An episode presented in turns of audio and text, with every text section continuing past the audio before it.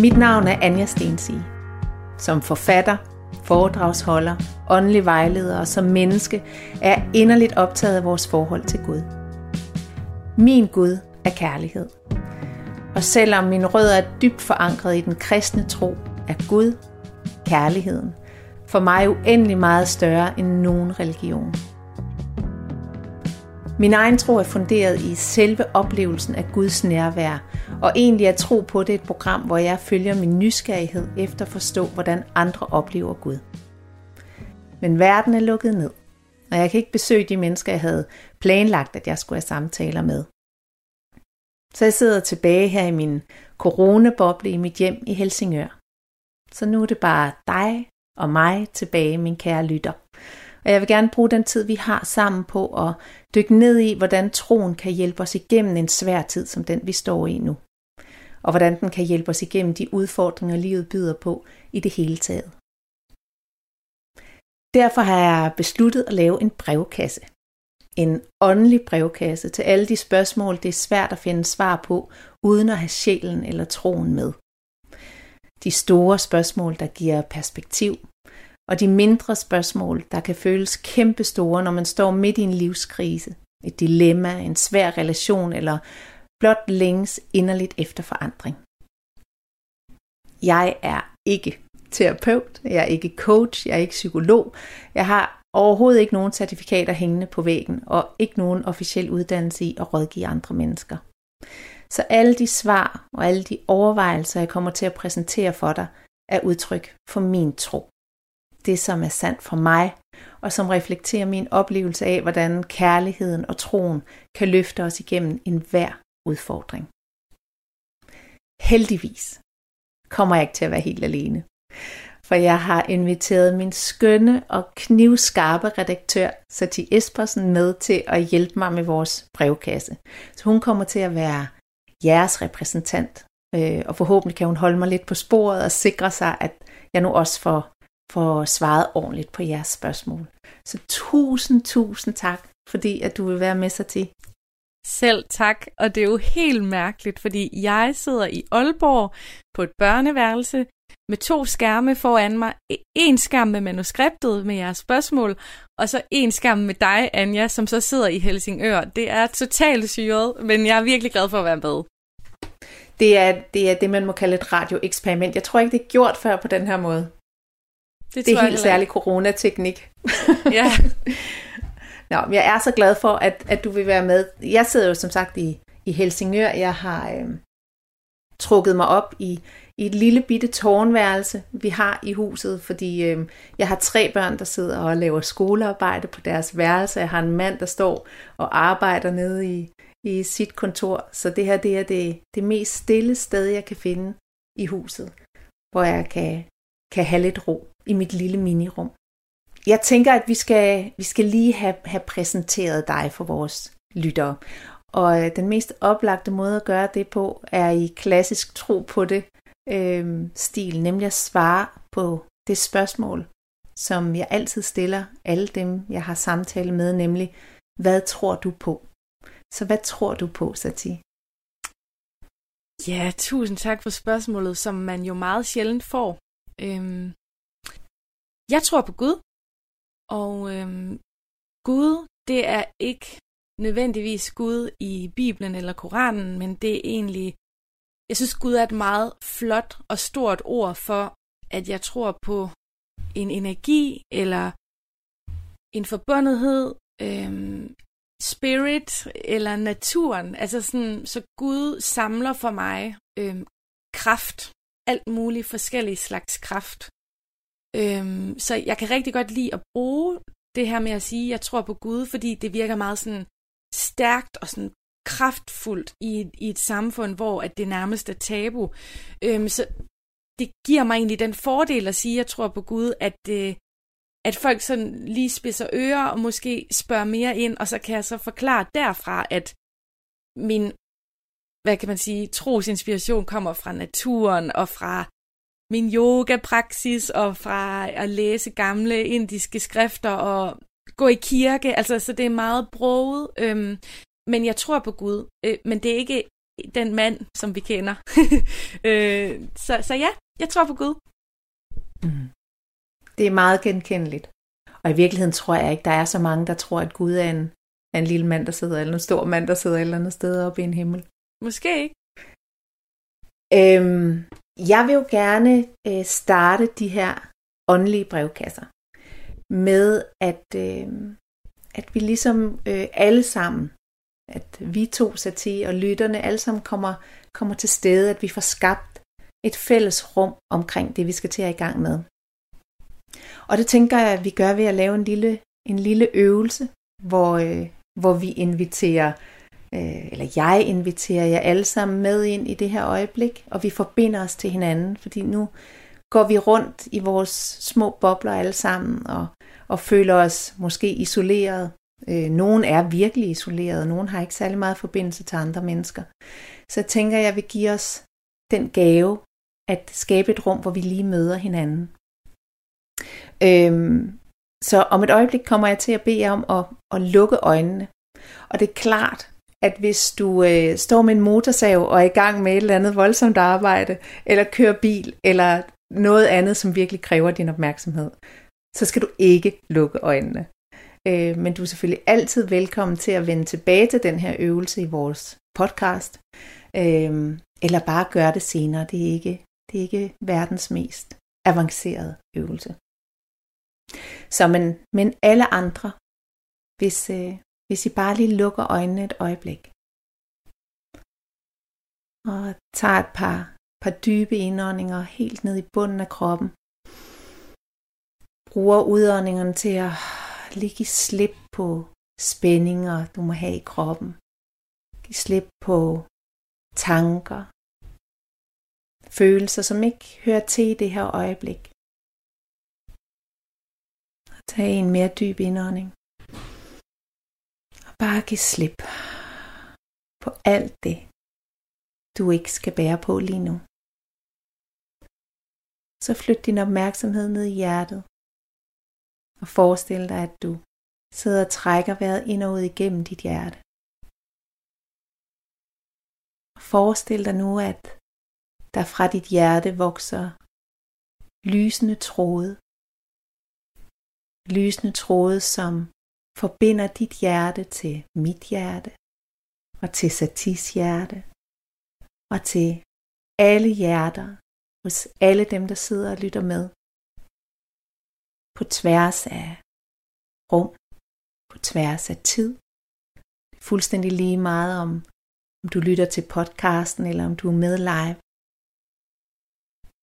Bare lad de gyldne tråde forbinde alle vores hjerter på kryds og tværs hele landet. Så bare sid sådan et øjeblik. Træk vejret. Og giv kærlighed. Og modtage kærlighed. Og bare mærk, at vi er sammen i det her øjeblik på tværs af tid og rum.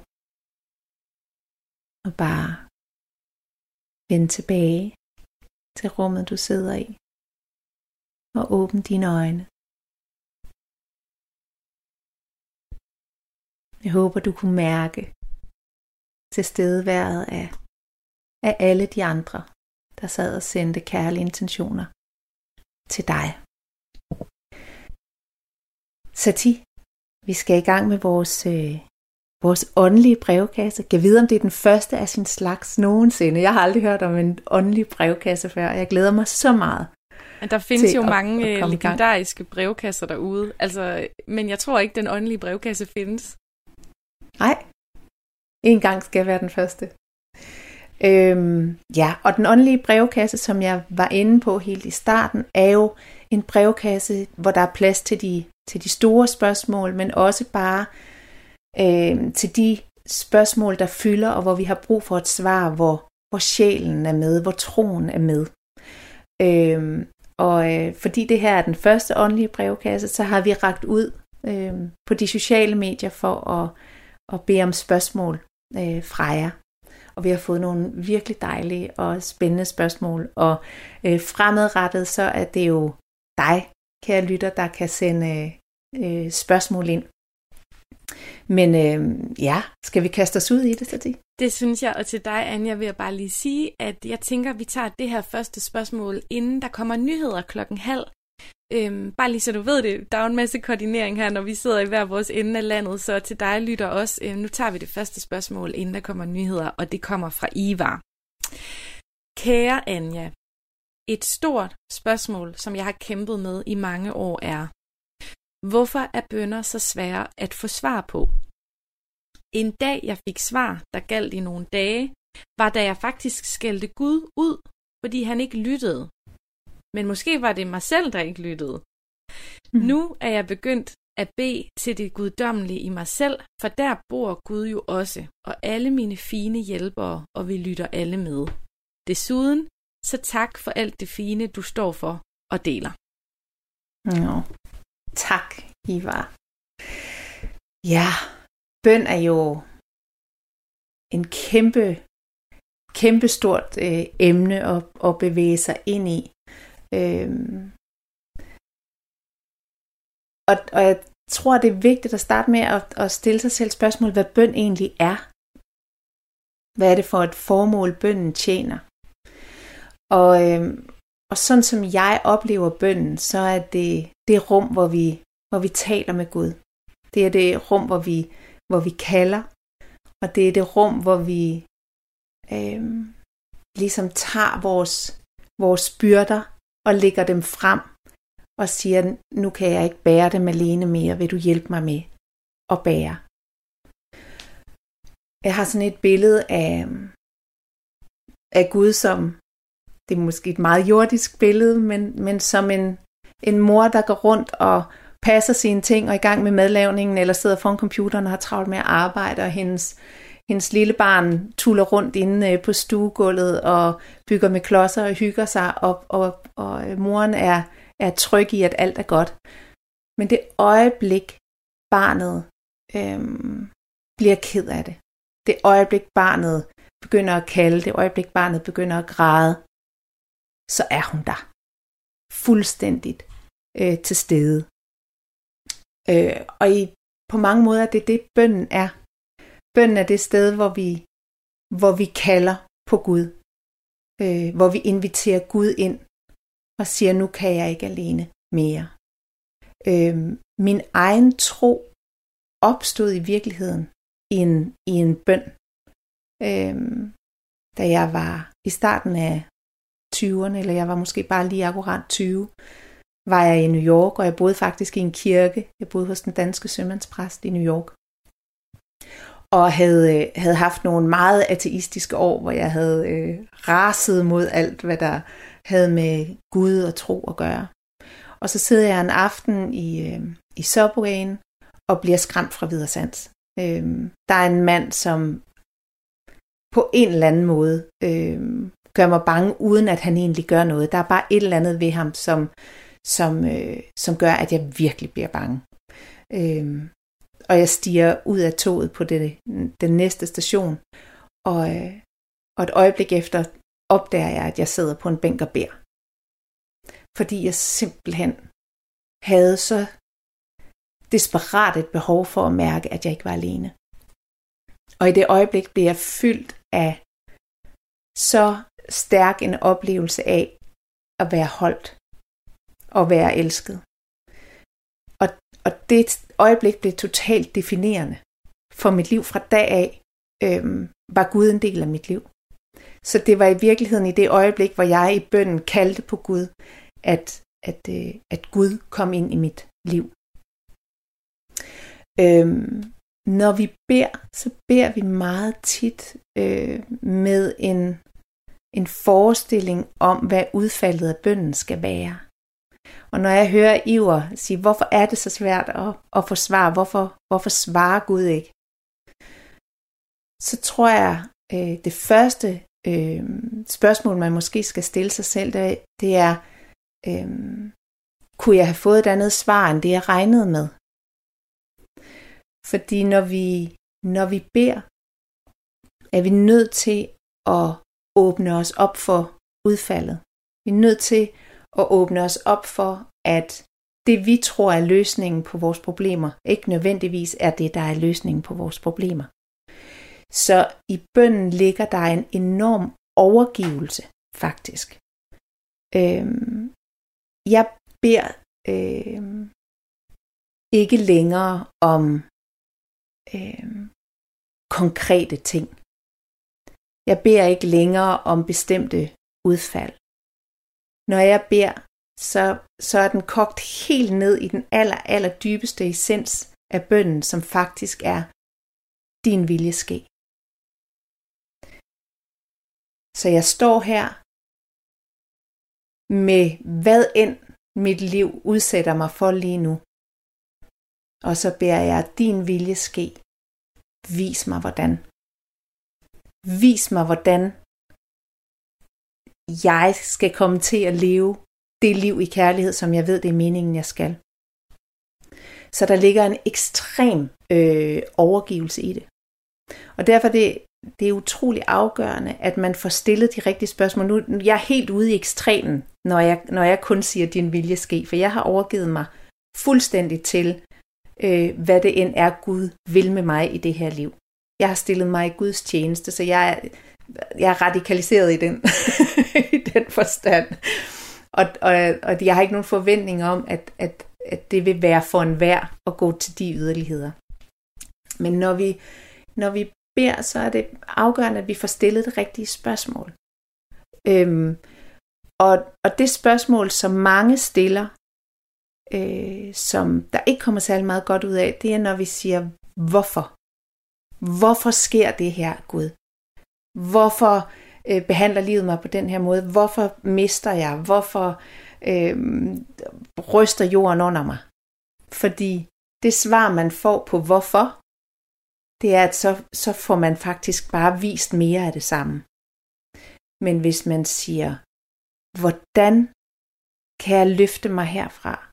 Hvordan kan jeg bevæge mig i en ny retning? Hvordan kan livet komme til at se anderledes ud, end det gør nu? Vis mig hvordan.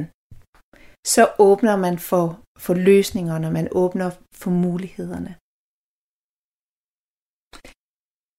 Spændende. Det er jo sjovt, fordi Ivar han også siger, hvorfor er bønder så svære at få svar på? Øh, og du, lige, du har lige været inde på det der med hvorfor, ikke? Men jeg tænker jo. her, inden der kommer nyheder, vil jeg gerne høre dig, Anja, hvordan lyder svaret? Altså, hvordan svarer Gud? Fordi Ivar, han siger jo, hvorfor er det så svært at få svar på? Men han siger også, at måske det er, fordi jeg ikke rigtig forstår, hvad svaret er. Så har du mm. noget at sige i forhold til, jamen, hvordan lyder, eller hvordan lyder svaret, eller hvordan ser det ud, når Gud svarer? Det er, jo den, det er jo en anden del af det, som jo netop handler rigtig meget om det der med forventningen om at få en bestemt form for svar. Dels få, få øh, lige præcis det svar, man regner med, men også formen på svaret. Og, og øh, dels så er vi jo alle sammen vidt forskellige. Vi er forskelligt indrettet. Der er nogen, der er velsignet med evnen til øh, at høre svar, altså simpelthen kunne sætte sig i en, i en tilstand og bede til Gud og høre øh, svar til tilbage. Øh, men, men det vi skal være åbne for, det er, at svaret kan antage alle mulige former. Det kan sagtens være, hvis du øh, beder om at få vist, hvordan du skal komme ud af en given situation, så handler det om at være opmærksom handler om, at Gud, livet, universet, hele tiden øh, guider dig. Og guider dig gennem din verden, og guider dig gennem den virkelighed, du står i. Så det kan være, at, øh, øh, at en af dine venner lige pludselig siger et eller andet, som, hvor du kan mærke, hov, der var et eller andet der, der virkelig føltes sandt. Det kan være, at du tænder for radioen, og der er en eller anden sang, der går i gang, som, som, øh, som resonerer ind i det samme felt, hvor man tænker, okay, det lyder da fuldstændig som svaret på det spørgsmål, øh, jeg, jeg stillede. Det kan være ting, der sker, der lige pludselig sætter tanker i gang, eller sætter nye bevægelser i gang i dig, som øh, måske giver dig et nyt perspektiv. Så det handler om hele tiden at være åben for at svaret kan komme af alle mulige veje, at Gud er i alt, og at det er livet, der svarer dig. Det er den virkelighed, du står i, der svarer dig. Giver det mening? Ja, det gør det, og jeg sidder og føler mig helt bøvet, fordi jeg har nemlig brugt Gud de sidste par uger til at bede om et hus, altså noget meget materielt, mm. ikke? Øhm, ja. Jeg skal købe mit første hus, og jeg har bedt om, ej, kan jeg godt please bare lige få lige det her hus, som jeg er med i budrunde omkring. øhm, og øh, lige før vi gik på øh, med de her optagelser, Anja, så måtte jeg også dele med dig, at jeg var helt tung og tvær, fordi at jeg ikke har fået det hus, fordi vedkommende ja. ikke vil sælge det alligevel. Øhm, så ja. jeg sidder og føler mig meget inspireret omkring måske at spørge lidt mindre sådan konkret på det materielle. det, jeg vil i hvert fald sige, det er et rigtig godt sted at starte og stille mere åbne spørgsmål. Ja. Og faktisk, hvis der er noget helt konkret, vi ønsker os, et, et hus for eksempel, eller et arbejde, så, så noget af det, der kan, kan hjælpe, det er øhm, for det første at tabe ind i øh, taknemmeligheden. Øh, og, og, og mærke ind i, hvordan ville det føles, hvis jeg, hvis jeg havde det, jeg drømmer om. Øhm, nu, og jeg, nu er jeg nødt til at dele de her to, fordi det er i virkeligheden to forskellige ting. Det ene er, er taknemmeligheden, det, og det skal jeg nok lige vende tilbage til. Men det andet er øhm, det her med at øh, prøve at decifrere, hvad er det i virkeligheden, jeg ønsker mig. Fordi det du ønsker dig er ikke nødvendigvis lige præcis det der hus. Det du ønsker dig, det er et sted, hvor, hvor du elsker at vågne op om morgenen. Det er et sted, hvor der er noget grønt, når du ser ud af vinduet. Det er et sted, der får dig til at føle på en bestemt måde. Det er et sted, hvor din familie trives. Øhm, så det, der kan være en kæmpe stor hjælp, når vi har de her stærke ønsker, det er at, at prøve at sætte sig ned sådan helt øh, damebladsagtigt, sætte sig ned og prøve at lave en liste over, hvad er det egentlig, øh, jeg, jeg ønsker mig om bagved. Hvis det er et job, hvordan er det, hvordan skal det føles, hvad er det for nogle øh, sider af mig selv, jeg gerne vil have i spil, hvad er det, men uden at være specifik. Uden at sige, det skal ligge der, eller øh, det skal være i den virksomhed, eller altså sådan, at man øh, giver livet mulighed for at, at tage dig derhen, hvor, hvor, hvor, hvor du bliver mødt allerbedst. Fordi når vi er specifikke, så begrænser vi jo også os selv. Så, så kan livet ikke få lov til at give os det, det allerhelst vil give os, og det, der gør os allermest glade, fordi vi har ligesom fået lagt et låg på, øh, hvad, hvad det er, vi skal.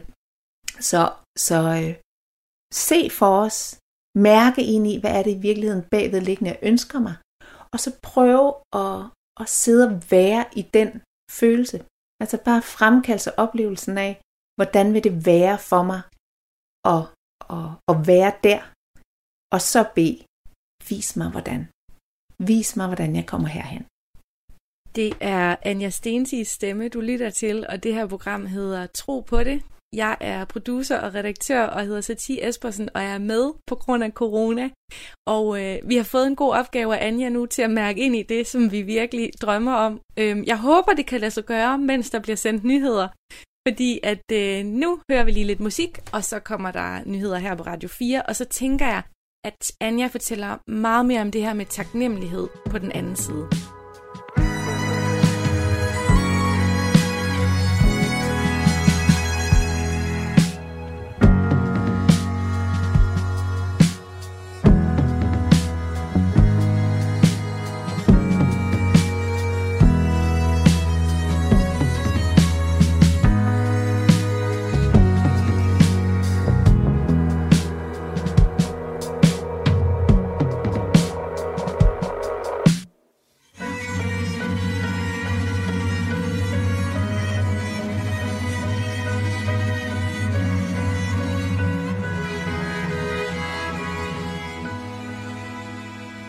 Du lytter til Tro på det, og mit navn er Anja Stensi, og jeg har den meget store glæde at have selskab hele vejen fra Aalborg af min redaktør, Satie Espersen, som, øh, som er med i programmet i dag, for det her er en særudgave af, af Tro på det, så vi sidder i hver sin ende af, af landet for at lave det, vi kalder en åndelig brevkasse, hvor, øh, hvor jeg svarer på spørgsmål fra jer om alt det, øh, alle de ting, vi bakser med i livet, hvor vi ligesom har brug for at få et sjæleligt, trosmæssigt perspektiv.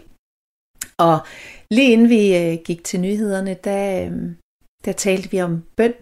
Øh, vi havde fået et spørgsmål fra, fra Ivar, og jeg lovede at, at tale lidt videre om taknemmelighed. Øh, men jeg tror faktisk, at i det næste spørgsmål, der, der kommer vi også forbi taknemmeligheden, så jeg tænker, at vi kaster os ud i det næste spørgsmål, og så vil jeg lige skynde mig at sige tusind tak til Ivar for, for det dejlige spørgsmål om bøn. Det tænkte jeg også, vi lige manglede. Tak, Ivar. Og nu tak til Lisa, som har skrevet. Hej, min udfordring er, at jeg føler, at jeg knokler for at komme videre i min spirituelle udvikling, men føler, at jeg ligesom sidder lidt fast, som om jeg står og ser igennem en åben dør, men jeg kan ikke tage skridtet ind over dørtrinnet. Så skriver Lisa også, at hun er i gang med et, et øh, kvindecirkelforløb, og så tilføjer hun, men det er som om, jeg famler i blinde og ryger tilbage, hvor jeg startede. Selvom jeg logisk godt ved, at jeg har rykket mig, så er det følelsen, jeg sidder med. Jeg hmm. længes efter at kunne kommunikere og lytte til, hvad universet, mine guider og afdøde har at fortælle i forhold til min udvikling, og hvilken vej, der kan føre til, at jeg bliver selvstændig. Jeg vil gerne videre fra trædemøllen, så at sige, at hver dag ikke bare køre automatisk, stå op, arbejde osv. Jeg ved, at jeg har potentiale til virkelig at kunne hjælpe folk, og jeg drømmer om en psykoterapeutuddannelse med fokus på metasundhed. Og det har været en øjenåbner for mig. Nu er det så økonomien, der spænder ben. Hvis ikke corona havde drillet, så ville jeg kunne starte om en måned. Kærlig hilsen, Lisa. Ja, og tusind tak for dit spørgsmål, kære Lisa. Jeg tror, at det her det er noget, der er, er rigtig mange, der kan genkende. Øh, folk, der har kastet sig ud i den her spirituelle øh, rejse. Øh, jeg tænker, øh, at det er vigtigt igen lige at få på plads, hvad, hvad er spirituel udvikling? Øh, og jeg har det i virkeligheden ikke så godt med det udtryk, spirituel udvikling, og heller ikke personlig udvikling, fordi man får sådan en oplevelse af, at det handler om, at øh, at vi skal på en eller anden måde forbedre os, eller, eller vi skal bygge ovenpå. Og sådan oplever jeg det slet ikke. Øh, jeg vil meget hellere tale om spirituel øh, eller om personlig afvikling. Øh, fordi sådan som jeg ser den rejse, der hvor den giver mening for mig, det er der, hvor det er en rejse hjem i os selv. Og det vil sige, at det er en rejse, hvor vi øh, i virkeligheden langsomt skraber alt det væk, som øh, står i vejen for, at vi kan mærke vores egen sandhed. Øh, tit når man kaster sig ud i, en, i den spirituelle rejse, så, så står man et sted fuld af, øh, længsel efter, der skal ske noget nyt, og vi kaster os ud i alle mulige kurser og bygger ovenpå, og jeg vil også kunne det, og jeg vil også kunne det, og jeg vil også kunne det. Men men i virkeligheden, øh, så går vejen ind til at kunne mærke vores egen sandhed, ind til at kunne øh, være i en, en dyb forbindelse med vores egen sjæl, som, som er det, der må være målet. Øh, den, den går igennem og skrabe væk. Øhm, og det er en proces, som, som vi faktisk ikke kan, kan forsere. Det er en udvikling, som sker mere eller mindre af sig selv. Forstået på den måde, at livet, at Gud hele tiden inviterer os til at, at, at frelægge os øh, flere lag. Øhm, der er øhm, i forhold til der, hvor du står lige nu, øhm, et issue med, at hvis vi skal opleve nogen som helst form for bevægelse, hvis vi skal flytte os, så er vi nødt til at starte der, hvor vi er. Alt det, du leder efter, Lisa, det er inde i dig. Og det er der allerede. Alt det, du gerne vil udfolde, det er der allerede. Øhm, så derfor så, så er opgaven i virkeligheden at prøve at slutte fred med det sted, hvor du er. Fordi du kan ikke bevæge dig nogen steder, før du øhm, har sluttet fred, før du har rummet det, du er. Den, øhm, den rejse, som, øhm, som jeg tror på, og som jeg har overgivet mig til, det er en, en, en kærlighedsrejse, en rummelighedsrejse. Øhm, hvis vi skal finde, finde ind til vores sjæl, så kræver det, at vi tør være utrolig sårbare. Øhm, og det betyder, at vi er nødt til at øh, ja, det, det, er, det er sådan en større forklaring. Man kan sige, mit verdensbillede er nok nødt til at, at, at, at prøve at give et billede af. I mit verdensbillede, så er Gud kærlighed. Vores sjæl er en del af den kærlighed. Den kærlighed er altid til stede. Den er altid fuldt til stede. Den kan ikke fragmenteres. Den kan ikke brydes ned i, i mindre dele. Den er evig, den er ubetinget, og den er altid. Så det vi bliver inviteret til, det er at huske, at det er det vi er, at det er det vi kommer af, at det altid er der. Og at vi altid kan øh, invitere det dybere ind. Men det, der står i vejen, det, der står imellem det og os, er alle de her beskyttelseslag, vi har. Øh, jeg oplever det sådan, at, at adgangspunktet, portalen til kærligheden til sjælen, den sidder i vores hjerte. Og vores hjerte er tit meget godt beskyttet af alle de oplevelser, vi har haft igennem livet, alle de erfaringer, vi har gjort os, som, hvor vi har øh, været nødt til at beskytte os på den ene eller den anden måde. Og det er derfor, jeg siger, at det kræver så stor sårbarhed at gå den her vej, fordi vi er nødt til at lade, lade nogle af de her beskyttelseslag falde. Og det kan vi ikke forsere fordi så gør vi vold på os selv. Så øhm, min, den, jeg har sådan en, en, noget, jeg kalder The One Practice, som er øh, inspireret af øh, Rumi, den persiske digter, sufi, mystiker. Han har sagt, close your eyes, fall in love, stay there. Luk dine øjne, forelsk dig øh, og bliv der. Og det er i virkeligheden for mig den eneste øvelse, vi nogensinde behøver at lave, hvis vi gerne vil udvikle os spirituelt. Hvis vi gerne vil afvikle os spirituelt. Fordi den bringer os i kontakt med den kærlighed. Så øvelsen er sådan set bare, at vi lukker vores øjne, genkalder os følelsen af kærlighed, hvis vi overhovedet er i stand til det. Og der skal vi være klar over, at kærlighed kan komme til udtryk på utrolig mange andre måder end det, vi tror. Jeg har mødt mange mennesker, der ikke tror, at de kan føle kærlighed.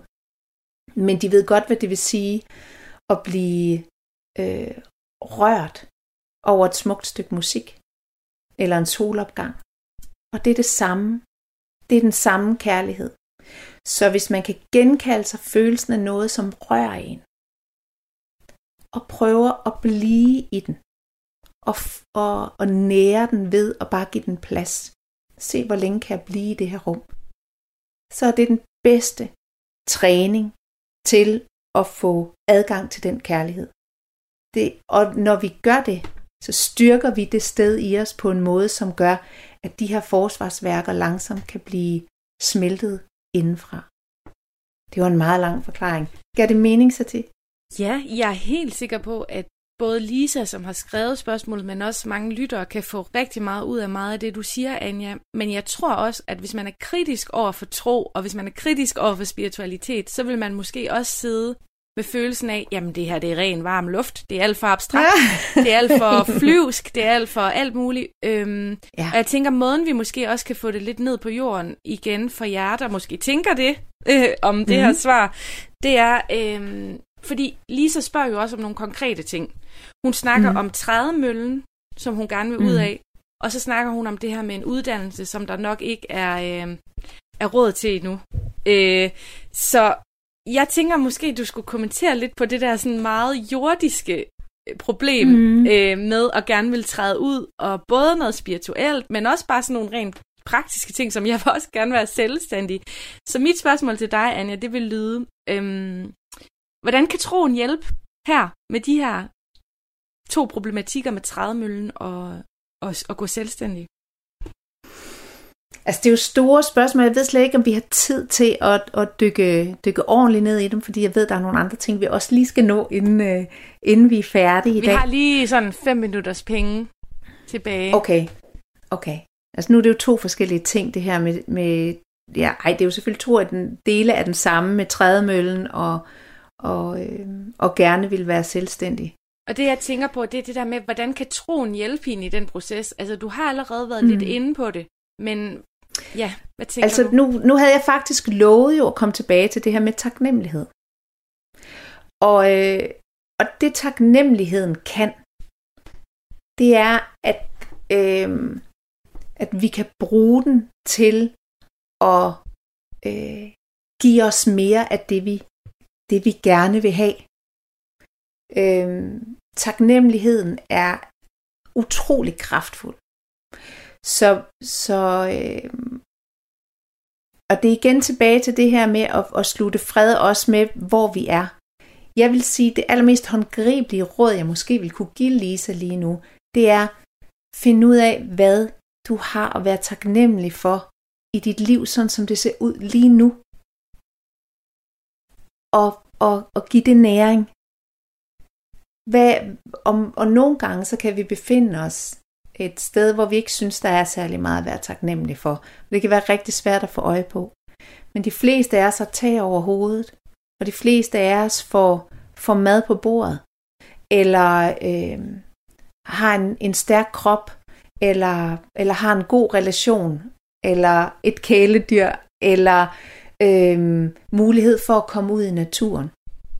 Så det her med at fokusere på taknemmeligheden, øh, og, og det er måske også sådan ind i, i, i, i den fluffy del, men der er jo nogen, der vil sige, og det er ikke noget, jeg forstår mig særlig meget på, der taler om hele den her lov om tiltrækning.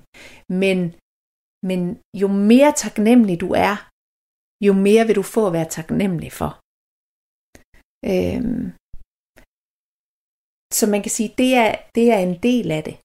Øhm, og så er det i den grad en øh, rejse ind i og lytte, hele tiden lytte, få, bruge kræfterne på at få, få adgang til sin egen stemme, fordi vi, vi har meget ofte mistet adgangen til vores egen stemme i den der trædemølle, fordi vi hele tiden skal gøre andre mennesker tilpas og andre mennesker tilfreds.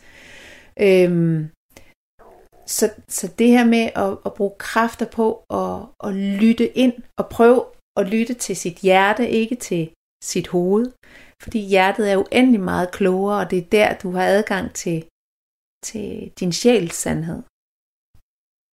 Så, så, så lytte. Hvad er det, hvad er det, øh, hvad er det, der bringer dig glæde? Og lad, lad det være din guide. Altså lad din, lad din vej blive, øh, blive ført af det der, det, der giver dig glæde. Og så vil jeg sige, det må altså gerne være let. Vi tror ikke, at det må være let, men det må faktisk gerne være let. Så fokuser på taknemmeligheden. Øh, gå den vej, der føles let. Det er ikke ulovligt overhovedet. der er en grund til, at det er let. Øh, og så øh, give slip på forestillingen om præcis, hvor det er, du skal hen, fordi det, det lyder også på Lisa som om, at, at du har en meget fast forestilling om, hvor det er, du skal hen. Øhm, prøv at give slip på, hvor det er, du skal hen, øh, og lad livet vise dig, ved at du lytter øh, til din egen indre stemme. Lad, lad livet vise dig, hvor det er, du skal hen. Og jeg får lyst til at sige, dig, der lytter med. Du lytter til Radio 4, og det her, det er, øh, det er tro på det. Og øh, det er den åndelige brevkasse, simpelthen for første gang i mediehistorien. Og det er Anja Stensi, der er vært, men jeg er lige med som øh, en hjælpende hånd. Jeg hedder Satie Espersen, og jeg er redaktør på det her program. Vi sidder i Aalborg og i Helsingør, kigger ind på en skærm i hver vores respektive værelse og laver det her program, fordi Anja, du må ikke have gæster lige nu på grund af corona restriktioner, på grund af corona-mutationer. Øh, men øh, der er et kvarter tilbage af, af programmet nu, inden der kommer nyheder igen, og jeg ved, du har øh, nogle ting til os, Anja, som øh, du mm. gerne må sætte i gang. Ja. Ja, fordi at, at øh, jeg tænker, øh, at noget af det, vi, vi alle sammen har, har rigtig meget brug for, det er særligt i de her tider, hvor, hvor livet er udfordrende for, for rigtig mange, men også i det hele taget. Det er øh, selvkærlighed. Øh, og kærlighed i det hele taget. Og selvkærlighed har sådan lidt en, et, et, et dårligt ry, fordi man kommer let til at tænke på noget med at puste sig op og gøre sig bedre, end man er, eller sådan helt glasur ud over det hele. Og det er slet ikke på nogen som helst måde det selvkærlighed er for mig. Selvkærlighed handler om at blive i stand til at rumme sig selv og holde sig selv og, og dybest set være, være sin egen øh, bedste ven. Øh, så hvis vi kan lære at holde os selv i kærlighed, så er der utrolig mange ting, der, der løser sig af sig selv. Øh, også fordi, at hvis vi, hvis vi rent faktisk rummer al vores skam og al vores mørke og alt det, der er svært, så får vi det på magisk vis også utrolig meget bedre med andre mennesker, fordi vi ikke, vi ikke ligesom spejler alt vores lort over i deres øh, retning.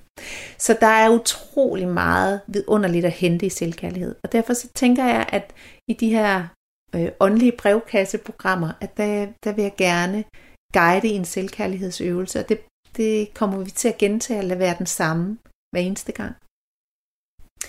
Øhm, og øh, den kræver, at vi, at vi lukker vores øjne, så hvis du sidder derude og kører bil, eller er i gang med noget, som kræver din opmærksomhed, så, øh, så lad være med at lukke dine øjne og, og se, om du bare kan, kan gå med i øvelsen alligevel, eller også så vende tilbage og, og lytte til den igen som, som, som podcast.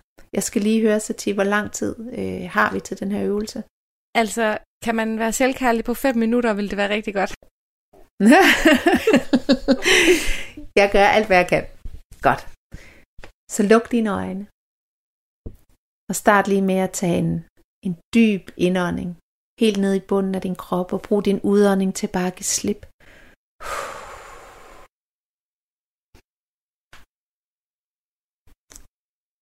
Og så forestil dig, at dit åndedræt passerer ind og ud igennem dit hjerte. Helt stille og roligt. Og forestil dig nu, at du kærtegner dit hjerte med dit åndedræt. Kærtegn det, som om du elskede dit hjerte af, ja, hele dit hjerte. Kærtegn det med dit åndedræt hver eneste gang du ånder ind, og hver eneste gang du ånder ud. Kærtegn det, som var det en, du holder uendelig meget af og anerkend dit eget hjerte med dine kærtegn. Så bare sid sådan et øjeblik og lad en ømhed vokse i dit bryst. Og lad den ømhed vokse med dit åndedrag. Ind og ud. Lad ømheden vokse. Mærk en hengivenhed over for dit hjerte, som du sidder og kærtegner. Måske kan det hjælpe dig at tænke på en, du holder af, eller noget, du holder af. Hvis du er troende menneske, kan det være tanken om Gud, der bringer følelsen af hengivenhed og kærlighed frem i dit hjerte.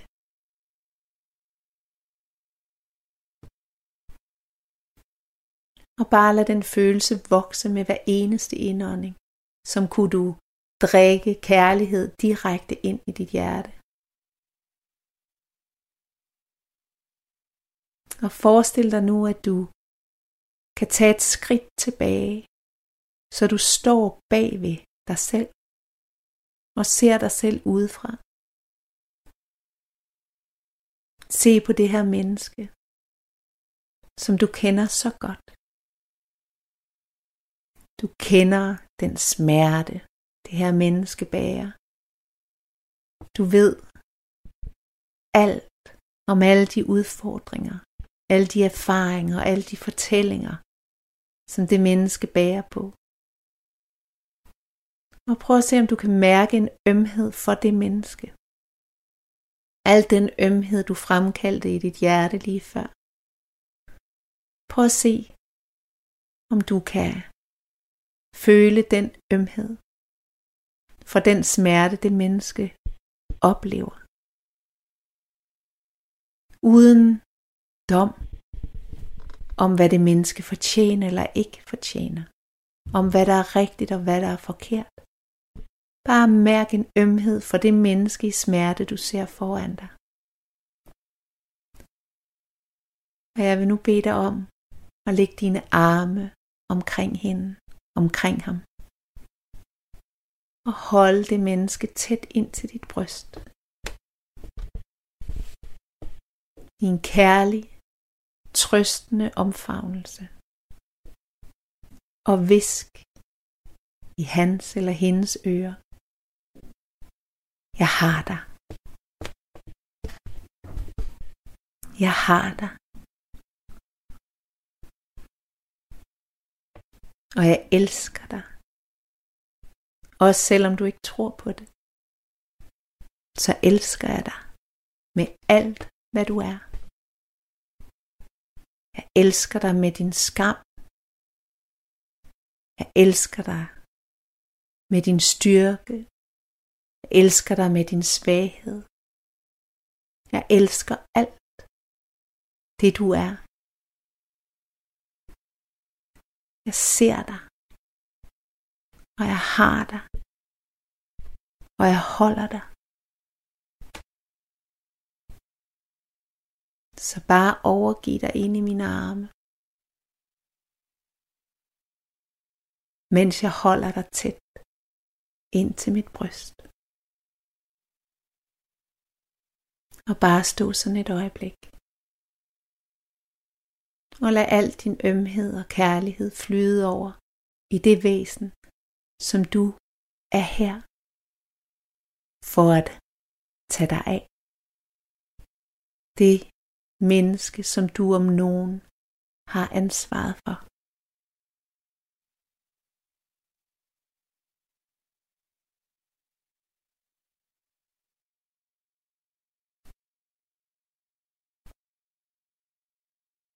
Bare stille og roligt vend tilbage. Og åbn dine øjne. Og selvom det var en, en kort øvelse, så håber jeg, at du du nåede at få en fornemmelse af, at der er en utrolig masse kærlighed til rådighed inden i dig, og at du har mulighed for at, at give den til dig selv. Og der er ikke meget i verden, der er mere helende end det. Og sådan som jeg ser det, så er det i virkeligheden jo kærligheden selv, Guds kærlighed, som vi vælger at tage imod, når vi dirigerer kærligheden videre til os selv i selvkærlighed. Du har lyttet til Tro på det, den åndelige brevkasse med Anja Stensi og så mig, den lille hjælper, Ceci Espersen. Og øh, hvis du også gerne vil have svar på et spørgsmål, ligesom du har hørt i dag, andre har fået, så skal du sende en mail til tro radio4.dk eller måske også kontakte dig på din platform, Anja. Ja, bestemt. Ikke fordi, at øh, jeg har så mange, men man er altid velkommen til at kontakte mig via Facebook eller, eller min hjemmeside, som bare hedder anjastensi.dk. Jeg vil jo meget gerne have lov til lige at runde af med en bøn, som Take vi plejer away. at gøre. Elskede Gud, kærligheden selv. Jeg beder, at vi i dag må mærke dit nærvær i alt, hvad vi gør. Må vi genkende dig i alt, vi møder. Må vi møde hinanden med den genkendelse i hjertet. Må vi bevæge os i verden med hjertet åbent og hjertet først, så vi i din kærlighedsånd lever fra dig og for dig. Vis os hvordan. Amen. Og til dig, der lytter med derude, have en velsignet dag. Radio 4 taler med Danmark.